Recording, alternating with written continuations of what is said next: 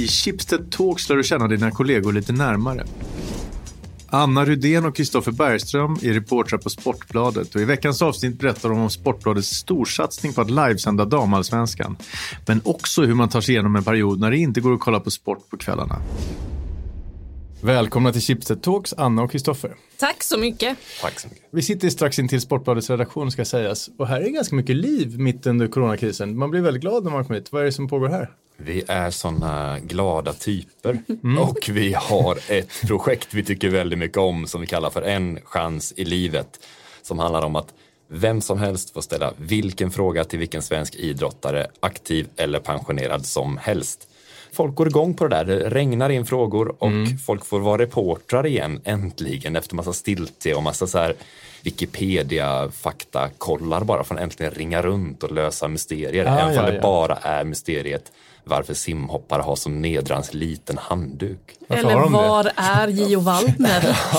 den är gjord av sämskskinn och den, för en vanlig handduk kan inte få bort tillräckligt mycket vatten fort nog och då räcker det med en liten sån näsduk stor. Så det är sånt vi går runt här på sporten och eh, skrattar och myser åt.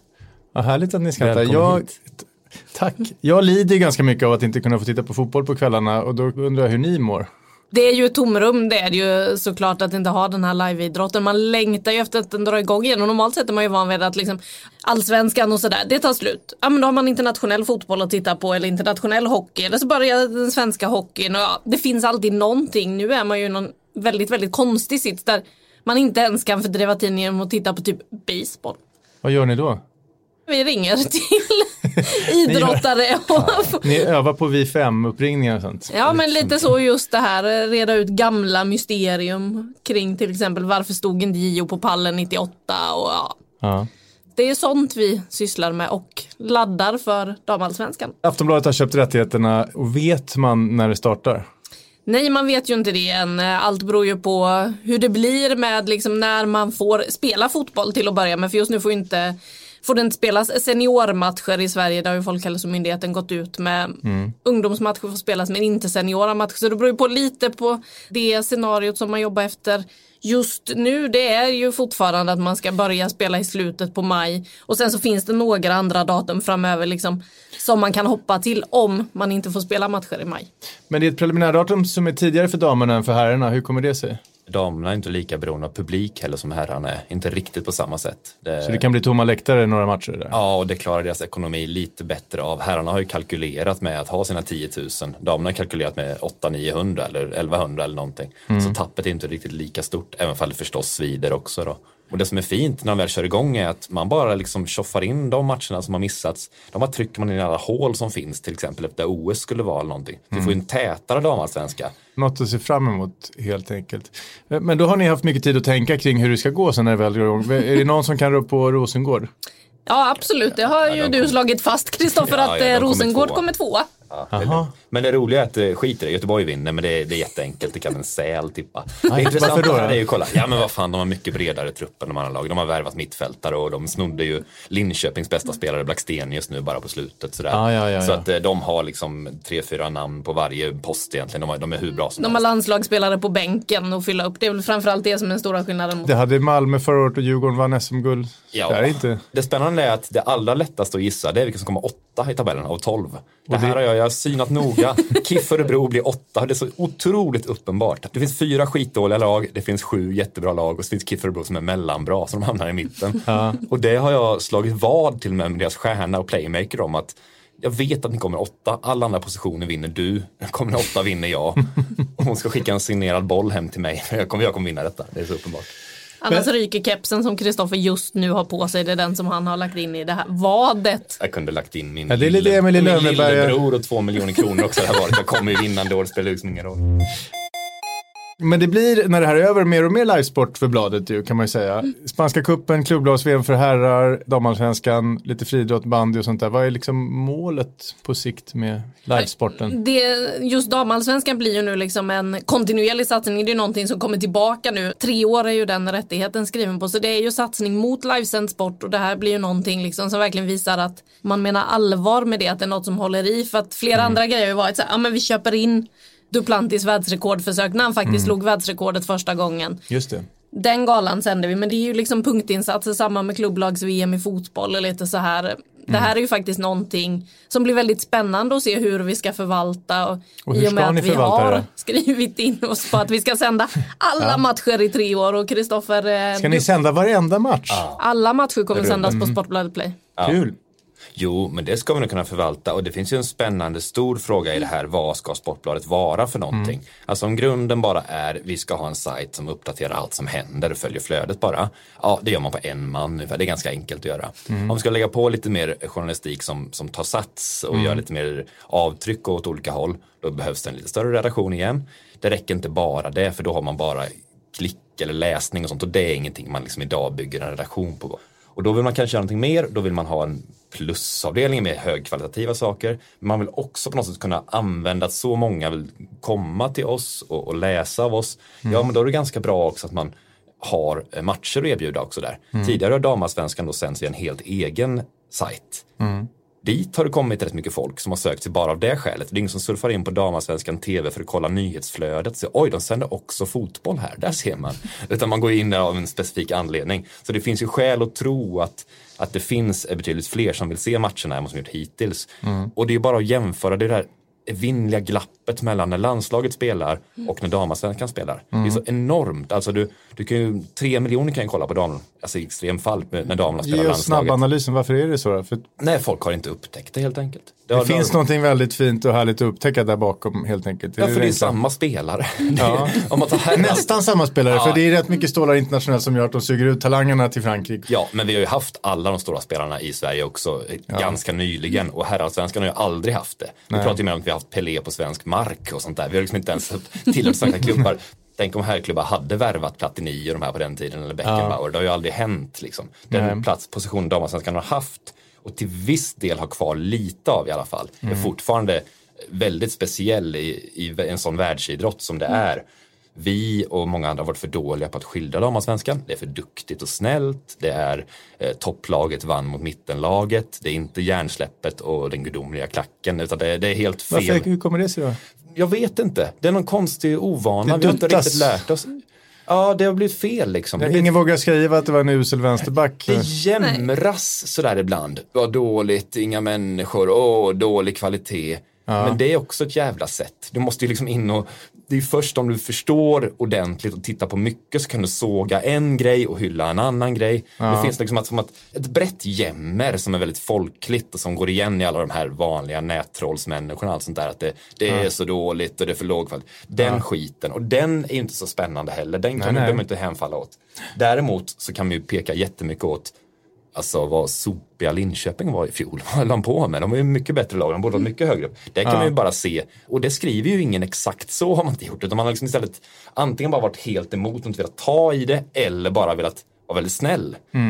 När man dyker in i det ser man att i varje lag finns det ju fyra katastrofer och fem Ja. makalösa saker som Och har det ska de få höra i år när det här är Mycket, det, mycket Det mer. kommer Om det är de någon som har inte göra. övat positionsspel så jävlar så kommer Ja. det synas i Sveriges största tidning. Det kommer det absolut att göra och eh, synas ordentligt. eh, Även då när de gör de här drömmålen och när det blir något riktigt snyggt. För att då ser man ju vad som sticker ut lite annars jämfört med vad det har varit innan. För att man har inte sett så mycket damallsvensk fotboll. Så att eh, det kommer synas och det ska bli väldigt spännande att se både de här liksom rutinerade rävarna som liksom har kommit tillbaka till Sverige som har varit ute på sina proffsäventyr som Caroline Seger och Nilla Fischer och så här men också alla de unga lovande talangerna som ännu inte har sugits ut till de stora europeiska ligorna men där det kommer ju sitta fullt med spioner på läktarna under sommaren och faktiskt scouta. Det kommer flytta spelare i sommar, det kommer det göra.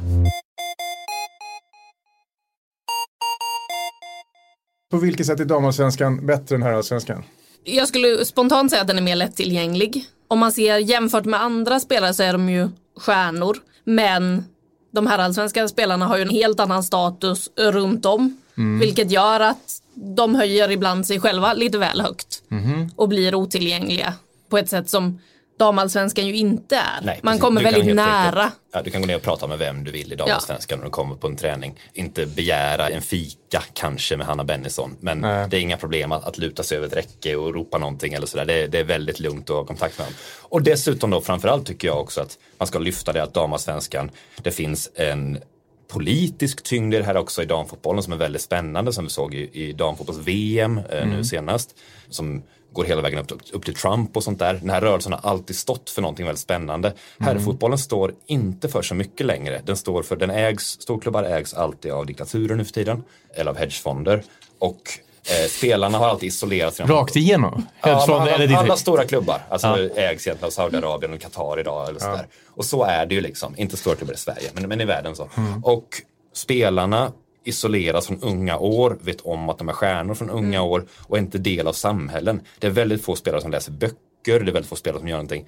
Damfotbollsspelare har inte haft den bakgrunden, har fortfarande inte det. Fast många är proffs så har man ofta Många har deltidsjobb eller åtminstone liksom en fot i det de pluggar samtidigt. Det är, mycket, roligare att intervjua helt enkelt, mer, mer dynamiskt i huvudet på dem. Precis, jag skulle bara minna ut det. Det är mycket mer spännande att prata med dem helt ah, enkelt. Okay. De är helt enkelt lite Men det är ett väldigt bra svar på varför det är roligare för er. Men varför är det roligare för mig som tittar och kollar på damallsvenskan den här? Det, jag vill ha den där. För, det är för att du får mer världsstjärnor.